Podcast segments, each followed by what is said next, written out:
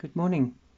We're reading Psalm 21 this morning, and I want to read to you verse 2 where it says, David write, is writing, he says, You have granted him, and he's talking about himself as king, but you can put your name in there as well if you want to. You have granted him the desire of his heart, and have not withheld the request of his lips. You can ask God anything, and He will give it to you. I've asked Him once for a motorcycle, and I couldn't afford one, but God gave me one. Someone phoned me and said, Maurice, I've got this motorcycle. If you want it, come and get it. And I said, But I can't afford it. And he said, I didn't ask you for money, just come and get it. And at that stage, the motorcycle was worth around about 60,000 Rand.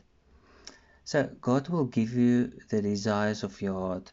And then verse 6 says, Surely you have granted him eternal blessings and made him glad with the joy of your presence. What more do we want than the presence of the Holy Spirit in our lives 25 hours a day? I want his I want to experience his presence in my life every second of the day. Just imagine what your day would be like if you experience Him, if you know that God is with you every second of the day. And then David finishes off his Psalm 21 with this verse, verse 13. He says, be exalted, O Lord. In your strength we will sing and praise your might.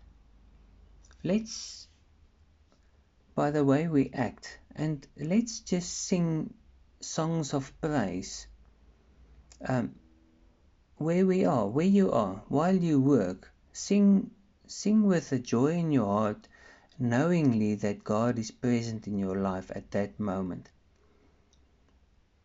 Continue to sing, sing of His presence, sing of His goodness, and praise Him for who He is and not for what He can do for you. Let's pray. Father, thank you so much for your word. Thank you for, for this word specifically. Thank you that I know from first hand experience that you give me my heart's desires.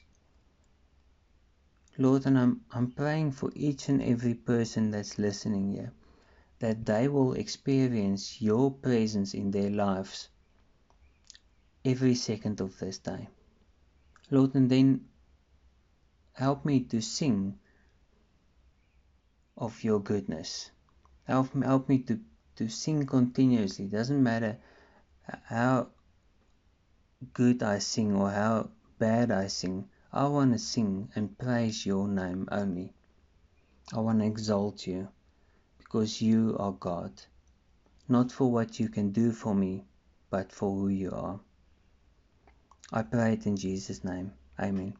Enjoy your Friday, enjoy your weekend, and go out and make a difference.